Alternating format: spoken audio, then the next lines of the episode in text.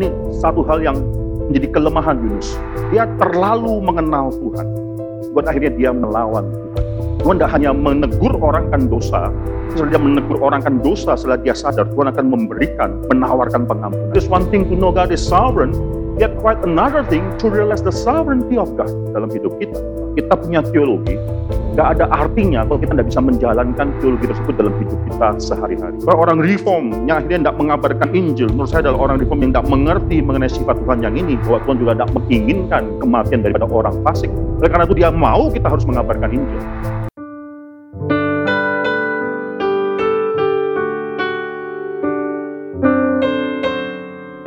Pada pagi hari ini saya akan masuk dalam suatu eksposisi kitab yang baru dalam persekutuan doa. Kemarin ada yang tanya sama saya, setelah kitab Rut mau eksposisi apa?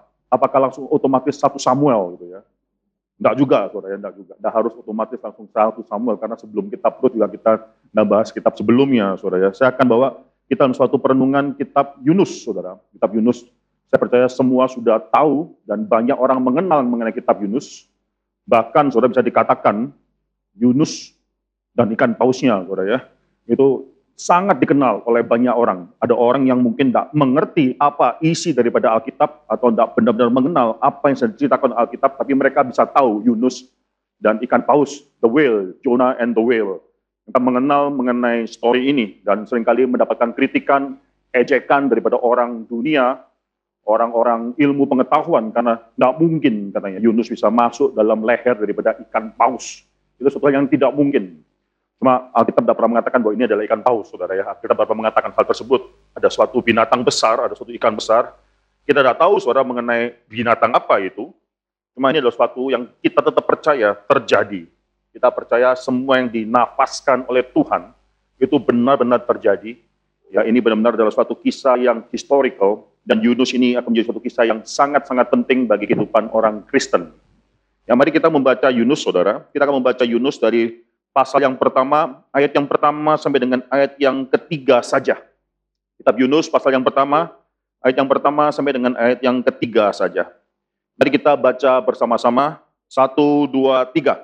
Datanglah firman Tuhan kepada Yunus bin Amitai demikian. Bangunlah, pergi ke Niniwe, kota yang besar itu. Berserulah terhadap mereka, karena kejahatannya telah sampai kepadaku tapi Yunus bersiap melarikan diri dari diri ke Tarsis, jauh dari hadapan Tuhan. Dia pergi ke Yafo dan mendapatkan di sana sebuah kapal yang akan berangkat ke Tarsis. Yang membayar biaya perjalanannya, lalu naik kapal itu untuk berlayar bersama-sama dengan mereka ke Tarsis, jauh dari hadapan Tuhan. Mereka tundukkan kepala dan kita akan berdoa. Bapa dalam surga, kami bersyukur untuk firman Tuhan yang terus menerus Tuhan berikan dalam hidup kami. Alkitab yang ada dalam tangan kami, yang kami bisa pegang dan kami bisa baca setiap saat. Kami bersyukur ya Tuhan karena Tuhan demikian baik, sehingga Tuhan tidak pernah meninggalkan kami. Dalam dosa-dosa kami, Kau sudah menyediakan keselamatan oleh anakmu yang tunggal, yaitu Tuhan Yesus Kristus. Dan dalam hidup kami, Engkau memberikan firman Tuhan yang senantiasa bisa kami baca dan kami renungkan. Bapak, pada pagi hari ini kami akan memulai suatu persekutuan doa ini dengan mendengarkan firman Tuhan. Dan kami akan membaca dan kami sudah membaca kitab Yunus ini ya Tuhan. Ya Tuhan, Tuhan sudah pernah bekerja melalui Nabi Yunus, Tuhan pernah bekerja dan memperlihatkan kepada Yunus mengenai kasih Tuhan yang demikian besar. Kiranya Tuhan bekerja dalam hidup kami dan kami disadarkan kepada kasih Tuhan yang besar dalam hidup kami pula. Kami serahkan seri kitab Yunus dan eksposisi kitab Yunus ke depan. Kami juga serahkan setiap kali firman Tuhan dikabarkan dalam persekutuan doa pagi.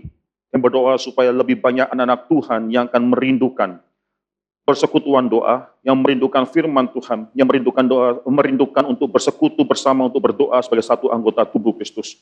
Tuhan berkati persekutuan doa pagi kami ini ya Tuhan. Dalam nama Tuhan Yesus Kristus kami menyerahkan apa yang akan kami lakukan pada pagi hari ini. Amin. Saudara perhatikan Yunus, Yunus pasal 1 ayat 1, di sana dikatakan ada suatu kalimat yaitu Yunus bin Amitai, saudara. Kita bisa melihat kata Yunus bin Amitai selain dalam kitab Yunus keluar juga dalam dua raja-raja. Coba kita buka dua raja-raja, saudara. Dan ini menjadi suatu background yang sangat menarik sekali. Dua raja-raja pasal yang ke-14. Kita akan membaca dari ayat yang ke-25 sampai dengan ayat yang ke-27. Dua raja-raja pasal 14 ayat 25 sampai dengan ayat ke-27. Ya, demikianlah firman Tuhan. Saya akan membacakan bagi saudara sekalian. Ia mengembalikan daerah Israel dari jalan masuk ke Hamat sampai ke Laut Araba sesuai dengan firman Tuhan Allah Israel yang telah diucapkannya dengan perantaraan hambanya Nabi Yunus bin Amitai. Nah ini adalah kota daripada Nabi Yunus tersebut, Gad Hever. Sebab Tuhan telah melihat betapa pahitnya kesengsaraan orang Israel itu, sudah habis lenyap baik yang tinggi maupun yang rendah kedudukannya, dan tidak ada penolong bagi orang Israel. Tapi Tuhan tidak mengatakan bahwa ia akan menghapuskan nama Israel dari kolong langit, jadi ia menolong karena mereka dengan perantaraan Yerobeam bin Yoas.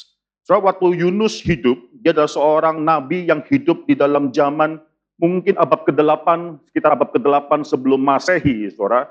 Dan dia adalah seorang yang hidup di dalam suatu pemerintahan, seorang raja namanya Yeroboam. Pada saat itu, saudara, Israel sudah terpecah menjadi dua negara. Dua wilayah, Israel yang utara, the Northern Kingdom, kerajaan Israel utara, and the Southern Kingdom, yang selatan. Northern Kingdom itu akan dimiliki atau terdiri dari 10 suku orang Israel. The Southern Kingdom itu adalah dua suku orang Israel, yaitu Yehuda dan Benyamin. Saudara. Akan melihat bahwa di dalam sejarah Northern Kingdom daripada Israel itu banyak sekali problema-problema yang mereka hadapi. Salah satu problema besar yang mereka hadapi adalah political dan military, di mana mereka harus berseberangan demikian dekat dengan suatu kerajaan besar pada saat itu, yaitu Assyria. Saudara, menurut catatan historian, sejarawan pada saat ini, Assyria mungkin bisa dikatakan cikal bakal daripada kerajaan modern. Itulah satu kerajaan yang demikian besar pada saat itu, yang demikian jaya. Assyria, saudara, demikian dekat dengan kerajaan daripada Israel Utara tersebut.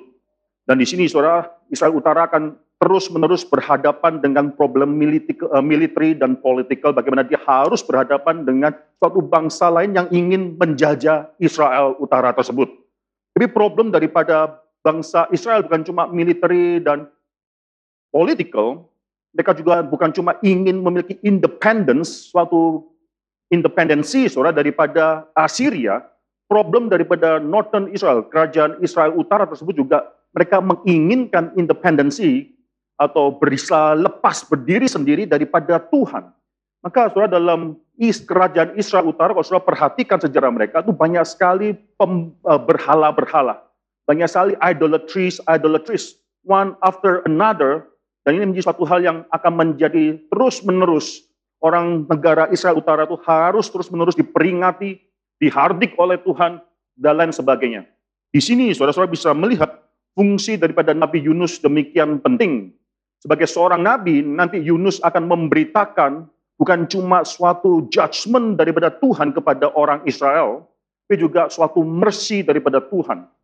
Bisa perhatikan, kalau orang Israel berbuat dosa, maka Yunus sebagai seorang nabi harus memperingati mereka, harus mengatakan pada raja mereka, pada seluruh rakyat bahwa mereka telah berdosa dan apa akibat daripada dosa mereka. Tapi sebagai seorang nabi, itu juga harus memberitakan kasih atau mercy anugerah daripada Tuhan tersebut. Bahkan dia akan memberitakan suatu anugerah daripada Tuhan yang tidak seharusnya didapatkan oleh orang Israel. Yang tadi kita baca dalam dua raja-raja, saudara dua raja kita buka sekali lagi. Dalam kitab dua raja-raja tersebut, saudara bisa melihat pada saat itu kemungkinan besar sekali saudara Assyria mungkin sedang mengalami suatu friction di dalam kerajaan tersebut, dilemahkan secara internal, dan juga mengalami kelaparan sehingga ada suatu saat, ada suatu masa di mana Israel yang tadinya wilayahnya sudah diambil oleh Israel akan mengambil kembali wilayah atau reclaim back tanah yang dia miliki dahulu tersebut.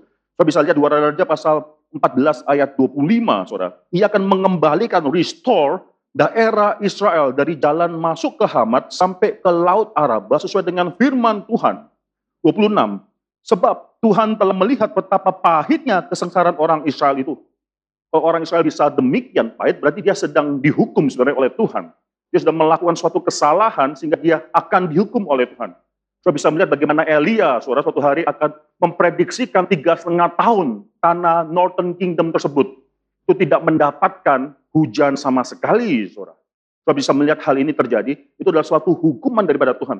Jadi Tuhan mengatakan, sebab Tuhan telah melihat betapa pahitnya kesengsaraan orang Israel itu, sudah habis lenyap, baik yang tinggi maupun yang rendah kedudukannya, dan tidak ada penolong bagi orang Israel. Tetapi Tuhan tidak mengatakan bahwa ia akan menghapuskan nama Israel dari kolong langit. Jadi yang menolong mereka dengan perantaran Yerobeam bin Yoas. Ayat 25, apa yang Tuhan lakukan nanti adalah mengembalikan, restore daerah Israel yang tadinya sudah dijajah atau diambil oleh kerajaan Assyria tersebut. Suatu ini suatu gambaran yang sangat penting sekali bagi Yunus, karena dia sekarang melihat privilege besar yang pertama Yunus miliki pada saat itu sebagai seorang nabi adalah dia melihat bagaimana Tuhan memberikan belas kasihan, mercy kepada orang-orang yang tidak seharusnya mendapatkan belas kasihan tersebut. Sekali lagi, saudara, orang Northern Kingdom tersebut, orang-orang Israel pada saat itu melawan Tuhan. Ada suatu Tuhan memakai Assyria untuk menjajah mereka, memberikan suatu hukuman bagi mereka. Tapi pada saat ini Tuhan sekarang mengembalikan wilayah mereka walau mereka belum bertobat. Mungkin maksud Tuhan adalah memberikan anugerah, memberikan pengharapan bagi mereka, memberikan suatu hal di mana mereka bisa melihat kemurahan Tuhan dan akhirnya memberikan kesempatan bagi mereka bisa bertobat. Sebelum mereka bertobat, Tuhan sudah merestorasikan, restore tanah yang sudah dijajah oleh orang Assyria tersebut. Di sini adalah privilege, hak istimewa Yunus sebagai seorang nabi daripada Tuhan Hal yang pertama dia lihat adalah witnessing the abundant grace of God tersebut. Bagaimana seseorang, yaitu orang Israel, yang seharusnya mendapatkan hukuman. Yang tidak seharusnya mendapat kasih karunia daripada Tuhan. Saat ini dia mendapatkan kasih karunia daripada Tuhan tersebut. Ini suatu hal yang besar sekali, saudara. Saudara bisa melihat hal yang kedua. Hal yang kedua yang didapatkan oleh Yunus sebagai seorang nabi, privilege yang kedua adalah dia mendapatkan suatu panggilan khusus dia mendapatkan atau dia receive God's call dalam hidup dia. Panggilan Tuhan yang khusus. Kalau kita baca daripada Yunus pasal yang pertama, ayat yang kedua tersebut, saudara, bangunlah, arise, pergilah ke Niniwe, kota yang besar itu, berserulah terhadap mereka, karena kejahatannya telah sampai, kejahatannya telah sampai kepadaku. Saudara Yunus, mengapa Yunus yang mendapatkan panggilan ini? Yunus adalah seorang yang saat itu benar-benar melihat yang pertama privilege yang dia sudah dapatkan tadi adalah the abundant grace of God. Kasih karunia Tuhan datang pada orang yang tidak seharusnya mendapatkan kasih karunia tersebut. Dia yang sudah disiapkan oleh Tuhan terlebih dahulu untuk bisa mengerti bahwa kasih karunia Tuhan itu luar biasa besarnya. Pada dia, pada orang yang sudah dipersiapkan semacam demikian, Tuhan berikan panggilan tersebut. Arise, berdirilah, pergilah ke Niniwe, kota yang besar itu, di dalam bahasa Indonesia ya, translation di sana lebih tepat adalah berserulah melawan mereka. Call out against them. Berseru, berserulah melawan mereka karena kejahatannya telah sampai kepadaku. Di sini Tuhan tidak minta pertobatan sama sekali.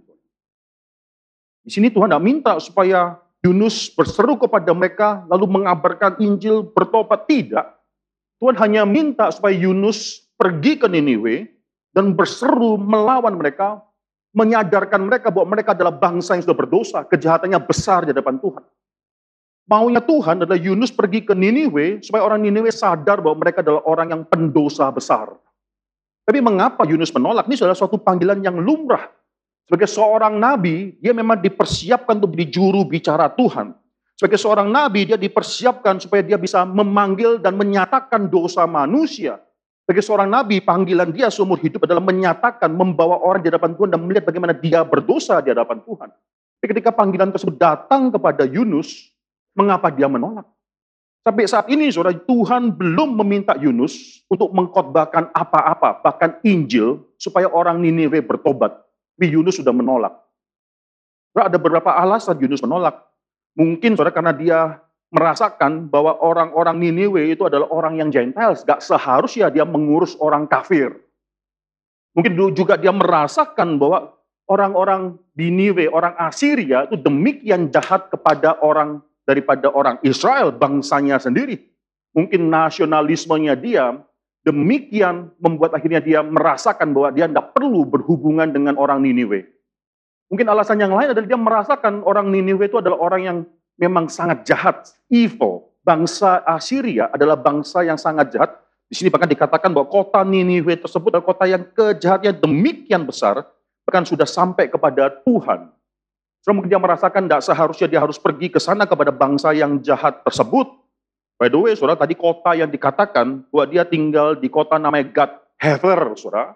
Itu kota kalau di Northern Kingdom daripada Israel, itu mungkin yang paling utara yang sangat dekat sekali dengan Assyria, saudara. kota Gad di mana Yunus hidup adalah kota yang sudah sangat dekat dengan perbatasan daripada kerajaan Assyria tersebut. Mungkin Yunus sangat peka sekali dengan evil and the evil ways daripada orang-orang Assyria tersebut. Dia memiliki antipati nasionalisme atau karena dia Gentiles, mereka adalah orang Gentiles atau karena mereka adalah orang yang evil. Yunus pada saat itu sama sekali tidak mau pergi dan dia katakan di sini, tetapi Yunus dari ketiga. Tuhan suruh pergi ke Niniwe, tapi Yunus bersiap untuk melarikan diri ke Tarsis. Suatu arah yang demikian berbeda. Saudara perhatikan, Yunus sadar bahwa Tuhan, dan ini saudara, ini satu hal yang menjadi kelemahan Yunus. Dia terlalu mengenal Tuhan. Buat akhirnya dia melawan Tuhan. Ini sangat bahaya sekali kalau terjadi dalam hidup seorang Kristen. Kita terlalu mengenal Tuhan, akhirnya kita melawan Tuhan. Dari mana Yunus mengenal Tuhan? Dia tahu kalau Tuhan sudah menghardik seseorang, memperingatkan orang itu terhadap dosanya, Tuhan tidak berhenti di sana. Tuhan akan menawarkan kasih karunia pengampunan. Tuhan tidak hanya menegur orang akan dosa, setelah dia menegur orang akan dosa, setelah dia sadar, Tuhan akan memberikan, menawarkan pengampunan. Dia sadar benar, Tuhan akan melakukan hal demikian. Saudara bisa baca pasal-pasal selanjutnya. Maka ketika dia diperintahkan oleh Tuhan untuk pergi ke Niniwe dan berseru melawan mereka, dia sadar Tuhan akan tidak berhenti sampai di sana saja. Tuhan tidak akan hanya memberitakan akan judgment terhadap orang-orang Niniwe, Tuhan juga akan menawarkan pengampunan pada mereka. Terlalu dia mengenal Tuhan sedemikian rupa, akhirnya dia pergi melawan Tuhan. Saudara, ini kelemahan daripada Yunus yang luar biasa, saudara. Dia mungkin merasakan yang tadi kayak katakan, saudara, dia mungkin merasakan Niniwe orang Assyria sudah tidak seharusnya mendapatkan keselamatan daripada Tuhan karena terlalu evil. Di sini, saudara, pengenalan kita, pengenalan Yunus terhadap Tuhan, pengenalan Yunus terhadap apa yang akan Tuhan lakukan, akhirnya berbeda sekali dengan ekspektasi dia terhadap apa yang dia ingin Tuhan lakukan bagi orang Assyria. Ini run contrary, berbeda sekali, saudara. Tadi di sini saudara ketiga, privilege Yunus yang besar adalah dia memiliki kesempatan untuk melakukan panggilan Tuhan tersebut. Tapi dalam hal ini dia gagal. Dalam hal ini, exactly at this point, dia gagal. Kalau saudara baca ayat ketiga, itu dimulai dengan satu kalimat, but Jonah. Tetapi Yunus. Saudara saya mau tanya dalam hidup kita, kita bisa pikirkan berapa kali saudara kita memiliki kesempatan untuk menjalankan kehendak Tuhan. Tapi akhirnya dalam hidup kita, kita kalau refleksi hidup kita, banyak di antara kita yang mengatakan, but David, but Jonathan, but Daniel, but Grace, but whoever, saudara. Tetapi saya akhirnya tidak melakukan hal tersebut. Apa alasannya, saudara? Kita harus memperhatikan baik-baik di sini, saudara. Nah di sini, saudara, sering kali, saudara, pengenalan kita mengenal bahwa Tuhan, Kristus adalah Tuhan, Christ is Lord, Demikian berbeda dengan faktanya akhirnya kita bisa menuhankan Kristus. It is one thing to know that Christ is Lord. It is quite different thing to akhirnya realize the Lordship of Christ. Itu totally different. Satu hal kita mengenal bahwa Kristus adalah Tuhan atas hidup kita, adalah hal yang lain akhirnya mengaknowledge, menerima fakta bahwa dia adalah Lord over our lives. Tuhan atas hidup kita. Satu hal bahwa kita bisa mengenal bahwa Tuhan itu sovereign, it is one thing to know God is sovereign, Yet quite another thing to realize the sovereignty of God dalam hidup kita. Satu hal kita bisa mengenal tentulah Tuhan yang berdaulat, tapi sangat berbeda sekali dalam kita mengakui kedaulatan Tuhan dalam hidup kita. Di sini saudara Yunus, ini Yunus, dia benar-benar mengerti one thing bagi dia untuk bisa mengerti the doctrine of salvation, doktrin keselamatan oleh karena anugerah daripada Tuhan. Dia mengerti itu dengan jelas sekali. Tapi akhirnya quite another thing bagi dia untuk merealize atau menyadari anugerah daripada doktrin keselamatan tersebut. Saudara. Sekali lagi, saudara, saya sudah katakan kemarin dalam PA, saudara, kita punya teologi, nggak ada artinya kalau kita tidak bisa menjalankan teologi tersebut dalam hidup kita sehari-hari. Kita bisa sadar bahwa Tuhan itu baik, tapi tidak bisa sadar kebaikan Tuhan dalam hidup kita. Kita bisa sadar bahwa Tuhan itu berdaulat, tapi tidak bisa menghidupi kedaulatan Tuhan dalam hidup kita. Kita bisa sadar bahwa Tuhan itu graceful, tapi tidak bisa sadar grace of God dalam hidup kita. Saudara, di sini terjadi pula tokoh-tokoh Alkitab dalam sini hal ini Nabi Yunus memiliki suatu kontradiksi di sana bahwa dia tahu bahwa Tuhan itu graceful but not for those people. Tidak untuk orang-orang Assyria di sana. Saudara, apa yang mau Alkitab ini ajarkan bagi kita? Saudara? Yang pertama, saudara-saudara bisa melihat bahwa the Bible, passage yang kita baca ini mengajarkan bagi kita suatu hal yang penting bahwa Tuhan itu tidak diam diri. God is not silent, bahwa dia itu tidaklah Tuhan yang jauh daripada orang-orang yang dia ciptakan. Dia memperhatikan. Di sini ada suatu kalimat yang penting sekali, bangunlah, pergilah ke Niniwe, kota yang besar itu, berserulah melawan mereka, karena kejahatannya telah sampai kepadaku. Tidak ada satu orang pun yang boleh menghidupi hidup ini dengan berpikir bahwa, well, God is ignoring me. Tidak ada satu orang pun dalam hidup ini bisa mengatakan Tuhan itu jauh, Tuhan tidak melihat, Tuhan tidak peduli. Tuhan melihat segala sesuatu. Tidak ada konsep deistik mengenai Tuhan, khususnya dalam hidup orang-orang Kristen. Kita harus dengan sadar melihat bahwa Tuhan itu melihat segala sesuatu, dan hal ini Tuhan memperhatikan bahkan orang-orang yang wicked semacam Niniwe tersebut. Saudara, kalau perhatikan, saudara, di dalam Alkitab, Tuhan itu memang memiliki suatu sifat, dia akan menghakimi orang yang wicked, orang yang jahat, orang yang fasik. Itu menantikan, itu adalah penghakiman Tuhan, menantikan mereka. Kita bisa baca dari Mazmur pasal yang pertama, saudara, bagaimana orang yang jahat, orang yang fasik, itu menanti daripada penghakiman daripada Tuhan. Tapi perhatikan dalam Alkitab juga ada sisi Tuhan yang lainnya yang harus kita perhatikan.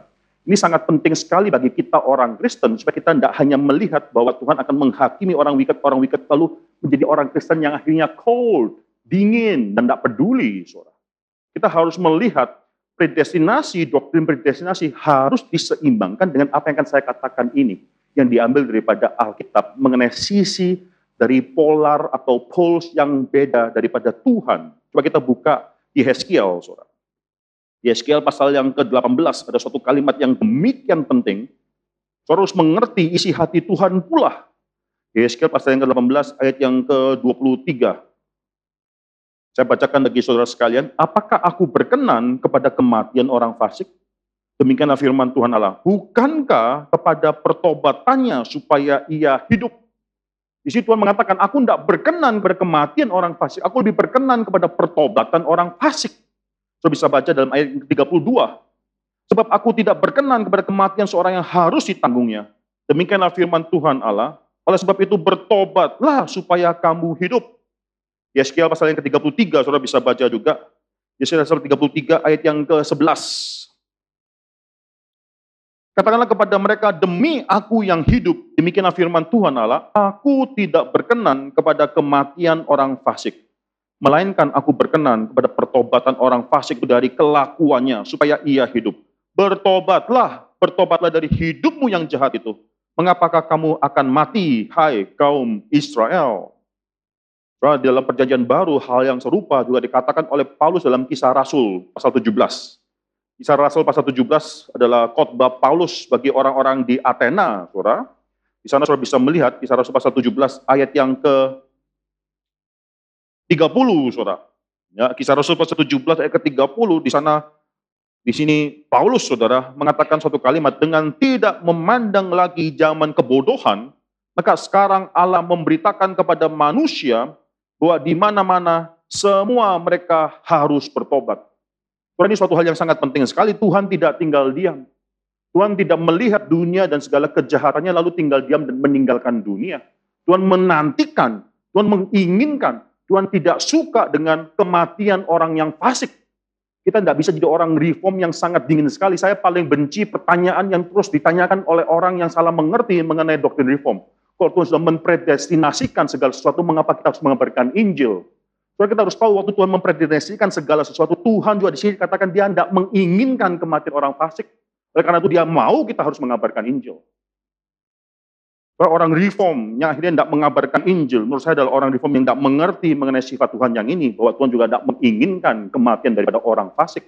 Di sini saudara bisa melihat dalam kitab Yunus tersebut, Tuhan memanggil Yunus untuk akhirnya pergi ke Niniwe, kota yang demikian jahat itu untuk akhirnya Yunus tahu Tuhan ingin supaya dia berkhotbah pada kota tersebut. Nanti saudara akan lihat demikian luar biasa kuasa daripada Nabi Yunus tersebut. Saudara dia berkhotbah sampai raja, sampai seluruh rakyat akhirnya bertobat. Dan akhirnya dia akan nanti, nah kan, benar kan? Kamu akan mengampuni dia kan? Kamu akan mengampuni mereka. Di sini saudara, Yunus tidak mengerti isi hati Tuhan. Bahwa Tuhan tidak pernah mengkehendaki kematian daripada orang fasik. Dia tidak take pleasure dalam bahasa Inggrisnya. He takes no pleasure. I have no pleasure in the death of the wicked. Saya tidak suka, saya tidak menyenangi ada kematian daripada orang yang fasik tersebut. Itu hal yang pertama yang kita pelajari pada perikop ini, bahwa Tuhan melihat segala sesuatu, dan dia akhirnya memperhatikan bahkan hidup daripada orang-orang yang fasik tersebut. Yang kedua yang kita bisa perhatikan, bahwa kasih karunia Tuhan adalah untuk segala macam orang, saudara, untuk orang yang lain pula. Saudara, ide bahwa Tuhan hanya mau memakai orang Israel, hanya mau menyelamatkan orang Israel, bahwa kasih karunia Tuhan hanya untuk orang Israel itu salah mengerti. Yunus di sini salah mengerti, orang Israel ini salah mengerti. Memang pada zaman Yunus mungkin tidak sangat common sekali ide bahwa Tuhan akan memberkati seluruh bangsa. Bukankah bait Allah hanya ada di Yerusalem? Bukankah kehadiran Allah hanya ada dalam bait Allah yang ada hanya dalam Yerusalem? Bukan di bangsa-bangsa yang lainnya. Bukankah nanti juga sacrifices, semua bangsa melakukan sacrifice, yaitu korban, bakaran, dan sebagainya. Mereka mengorbankan binatang-binatang. Tuhan hanya menerima korban bakaran, korban yang disembelih oleh orang-orang Israel umatnya. Bukankah seakan memang tampaknya kasih karunia Tuhan itu hanya bagi orang Israel. Tapi di sini sudah tanpa sadar Tuhan sudah mulai bekerja menyatakan bagaimana nanti janji kepada Abraham seluruh bangsa akan menjadi berkat oleh karenamu, oleh karena keturunan itu akan mulai terjadi. Setelah minggu lalu kita sudah selesai, atau dua minggu yang lalu kita sudah selesai, atau minggu lalu, saudara. Minggu lalu, saudara, kita sudah selesai kitab Ruth. Ruth the Moabites mendapatkan kasih karunia. Itu sudah membuktikan bagaimana Tuhan bekerja di antara bangsa Moab yang tadi dia sudah kutuk di mana orang Israel tidak boleh masuk dalam congregation atau jemaah orang Moab. Sekarang jemaah orang Moab diterima dalam congregation orang Israel. Maka di sini Tuhan mulai bekerja. Perhatikan, Tuhan sudah mulai bekerja, tapi orang Israel tidak sadar. Ini problem besar. Tuhan sudah mulai bekerja menyatakan bahwa kasih karunia Tuhan itu bukan hanya untuk orang Israel. Orang Israel dipanggil oleh Tuhan supaya bisa menjadi berkat bagi orang lain. Orang Israel dipanggil jadi dipanggil oleh Tuhan bukan supaya mereka menikmati berkat Tuhan dan berhenti sampai di sana. Tapi mereka dipanggil supaya mereka bisa menjadi berkat bagi orang lain. Oleh karenamu, ini janji Tuhan pada Abraham, semua bangsa di muka bumi ini akan mendapatkan berkat. Tuhan tidak pernah berjanji pada Abraham, kamu akan mendapatkan semua berkat. Tidak, oleh karenamu semua bangsa akan mendapatkan berkat. Dua hal yang berbeda. Tapi di sini orang Israel sudah mulai gagal mengerti. Dan saudara perhatikan, coba kita buka satu bagian yang menarik sekali, yaitu dalam kitab Lukas. Lukas pasal yang keempat, saudara. Lukas pasal yang keempat, coba kita baca berapa ayatnya. Ayat 25, kita baca bersama-sama. Ayat 25 sampai ayat yang ke-27, saudara. Lukas pasal yang keempat, ayat 25 sampai 27. Satu, dua, tiga. Dan aku berkata kepadamu, dan kataku ini benar, pada zaman Elia terdapat banyak perempuan janda di Israel. Ketika langit tertutup selama tiga tahun dan enam bulan, ketika bahaya kelaparan yang hebat menimpa seluruh negeri. Elia diutus bukan kepada salah seorang dari mereka, melainkan pada seorang perempuan janda Sarfat di tanah Sidon dan pada zaman 27, pada zaman Elisa, banyak orang kusta di Israel dan tidak ada seorang pun dari mereka yang ditahirkan melain daripada Naaman seorang Syria tersebut. Lalu apa maksud yang dikatakan oleh Yesus di dalam ayat-ayat ini? Dia mengatakan berkat Tuhan sudah mulai dicecerkan, dibagikan kepada bangsa-bangsa yang lainnya. Pada zaman Nabi Elia, ketika tanah Israel akhirnya mendapatkan ke, ke, ke kekeringan, saudara, atau apa itu? Eh, tidak ada hujan, saudara selama tiga setengah tahun di sana, Tuhan bukan mengutus Elia ke Israel, bukan. Tuhan justru menyerahkan Elia dalam tangan seorang perempuan janda di Sarfat di tanah Sidon. Di sana banyak berhala-berhala. Tapi Tuhan memberikan berkat pada perempuan janda di Sarfat tersebut, bukan pada janda orang Israel. Tuhan mulai memberikan berkat pada orang di luar Israel, mencacarkan berkat di luar. Demikian juga dengan pada zaman Nabi Elisa banyak orang kusta yang ada di Israel. Banyak sekali orang kusta, tapi tidak ada satu orang pun ditahirkan. Yang ditahirkan juga adalah Naaman, orang bukan Israel, orang Syria tersebut yang ditahirkan. Di sini Tuhan menunjukkan, Yesus menunjukkan bahwa keselamatan sudah mulai dibagikan pada orang-orang lainnya, bukan hanya orang Israel saja. Setelah mendengarkan kalimat tersebut, kita bisa lihat reaksi daripada orang-orang pada saat itu. Lukas pasal 4 ayat 28. Mendengar itu, sangat marahlah semua orang di rumah ibadat itu. Mereka bangun, lalu menghalau Yesus keluar kota, membawa dia ke tebing gunung tempat kota itu terletak, terletak untuk melemparkan dia dari tebing itu. Mereka tidak bisa terima bahwa kasih karunia Tuhan sudah mulai diberikan pada bangsa yang lainnya. So, di sini saudara, saudara bisa memikirkan apa yang Yunus pikirkan pada saat itu. Tidak bisa. Kasih karunia Tuhan dimonopoli oleh umat Tuhan. Kasih karunia Tuhan pasti hanya untuk umat Tuhan. Kasih karunia Tuhan sudah pasti bukan untuk bangsa yang demikian jahat. Dan dia dekat sekali tinggalnya dengan orang Assyria. Dia tahu demikian jahatnya bangsa tersebut. Dia tidak bisa merelakan kasih karunia Tuhan pergi ke orang yang lainnya yang jahat. Mereka deserve death. Mereka deserve punishment, but not God's grace at all. Maka di sini saudara Yunus tak mengerti bahwa Tuhan pun mengatakan bahwa I do not desire, I take no pleasure in the death of the wicked. Saya tidak senang dengan kematian daripada orang jahat tersebut. Saudara, ini buat kita akhirnya berpikir tentang diri kita. Ini membuat kita harus berpikir tentang diri kita. Yunus, dan dia sangat terbuka sekali menyatakan kebobrokan dia, supaya kita bisa melihat diri kita. Yunus terbuka sekali menyatakan, ini resume Yunus saya percaya dia menuliskan autobiografi ini, bukan orang lain yang menulis. Dia menuliskan kitab ini sendiri. Dia menyatakan demikian bobrok dia, sebagai seorang nabi yang tidak mengenal benar-benar Tuhan yang seharusnya dia kenal. Bagaimana dengan kita? But Jonah. Siapa tahu dalam hidup kita, kita sering katakan, but I. Kita tahu Tuhan mengatakan apa, but I do something else. Kita tahu kerinduan Tuhan itu apa, but I do something else regardless.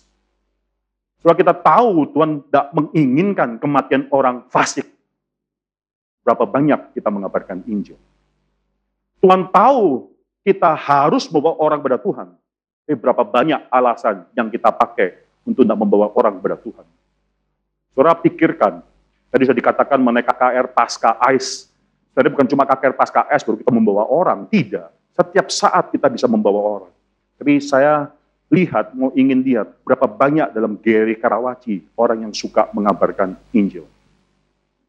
Berapa banyak dalam Geri Karawaci orang yang suka melakukan pengabaran Injil pribadi.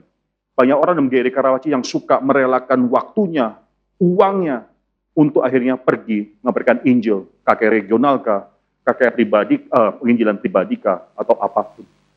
Kita harus mengaku dalam hadapan Tuhan, kita kadang mirip seperti Jonah. Sangat mirip dengan Jonah. Bahkan kalau kita perhatikan, coba kita pikirkan, siapa daftar orang yang mungkin kita rasa kita benci?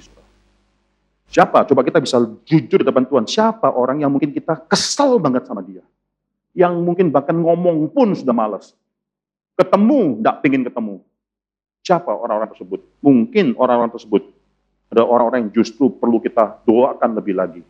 Mungkin justru orang-orang tersebut adalah orang yang harus kita terus outreach kita bertemu dengan dia, kita bawa kepada Injil Tuhan. Kalau enggak, saudara, kita mentalitasnya mentalitas Yunus pada saat ini. Yaitu biarlah kita menikmati berkat Tuhan hanya pada diri kita. Saudara, Yunus adalah suatu kitab yang demikian penting, yang akan memperlihatkan pada kita, setiap anak-anak Tuhan, bahwa kita banyak kelemahan dalam hidup ini.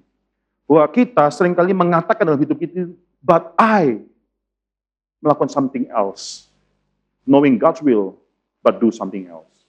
Knowing God's grace, but do not realize the graceful God. Ini suatu kontradiksi yang ada dalam hidup kita.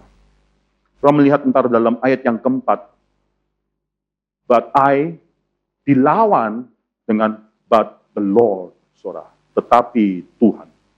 Tuhan akan mulai suatu hidup, suatu restorasi dalam hidup Yunus dan akan merubah dia. Di dalam kesesakannya dia, dalam Yunus pasal yang kedua, in the depth of the sea, dia memanggil Tuhan. Dan keluar satu kalimat yang demikian indah, yang akhirnya dia harus mengakui, Yunus pasal 2 ayat 9, salvation belongs to the Lord. Keselamatan dalam bahasa Indonesia, keselamatan adalah dari Tuhan. Atau terjemahan lainnya, keselamatan adalah milik Tuhan. Dia tidak bisa menentukan siapa-siapa yang bisa diselamatkan. Dia tidak ada hak. Dia cuma adalah nabi daripada Tuhan yang harus melakukan apa yang Tuhan ingin dia lakukan. Saudara banyak kesempatan dalam hidup kita untuk menjalankan kehendak Tuhan. Marilah kita introspeksi diri kita dari kitab Yunus. Bagaimana dia membuka hidup dia, kita membuka hidup kita di hadapan Tuhan. Apakah benar kita sudah menjadi anak Tuhan yang benar-benar mengerti Tuhan yang kita percayai? Saudara, kita doakan untuk eksposisi daripada kitab Yunus, kitab ayat-ayat selanjutnya, ini bisa menjadi suatu eksposisi yang lumayan panjang, saudara, sangat penting sekali, dan banyak teologi yang bisa kita pelajari daripada kitab Yunus ini. Saya berdoa supaya kita terus dimengertikan oleh firman Tuhan. Mari kita dudukkan kepala, kita masuk dalam doa. Bapak dan surga kami bersyukur untuk firman Tuhan setelah kami dengarkan ini. Kami harus mengaku di hadapan Tuhan bahwa kami adalah Yunus-Yunus. Kami adalah orang yang sering kali dalam hidup kami melawan Tuhan. Ada orang yang sering kali dalam hidup kami, walaupun kami mengenal atau tahu Tuhan dan karakter dari Tuhan, tapi kami tidak menghidupi apa yang kami kenali tersebut ya Tuhan. Kami mengenal bahwa Tuhan adalah graceful, tapi kami belum menjadi saluran anugerah kasih setia Tuhan, anugerah Tuhan kepada orang-orang sekitar kami. Bapak, ini adalah momen bulan April di mana kami merayakan kesetiaan Tuhan. Besok kami akan merayakan ulang tahun Geri Karawaci yang ke-22. Tuhan setia. Tapi apakah kami setia kepada Tuhan? Tuhan tegur hati kami, berikan kami kesempatan bisa mengenal diri kami, apakah kami sudah setia kepada Tuhan. Jangan biarkan kami hanya membanggakan kasih setia Tuhan kepada kami. Jangan membiarkan kami hanya membanggakan kasih anugerah Tuhan yang kami alami dalam hidup kami, hidup keluarga kami. Tapi biarkanlah kami menjadi anak Tuhan yang menyebarkan kasih Tuhan kepada orang-orang sekitar kami. Bapak pakailah gereja Geri Karawaci. Jadikan Karawaci suatu gereja yang rindu melihat Tuhan dipermuliakan dalam hidup orang-orang yang belum mengenal Tuhan pada saat ini. Misalkan hidup kami, dan program-program begitu banyak yang harus dan akan kami lakukan pada bulan April, termasuk KKR, KKR, kebaktian pasca dan KKR pasca daripada Pelita Stephen. Kami rindu melihat Tuhan dipermuliakan melalui apa yang manusia lakukan. Kami mendoakan juga pokok-pokok doa yang akan kami naikkan. Tuhan beri kami beban doa, kerinduan berdoa, dan bijaksana untuk tahu apa yang harus kami doakan. Dalam nama Tuhan Yesus Kristus kami berdoa mengucap syukur. Amin.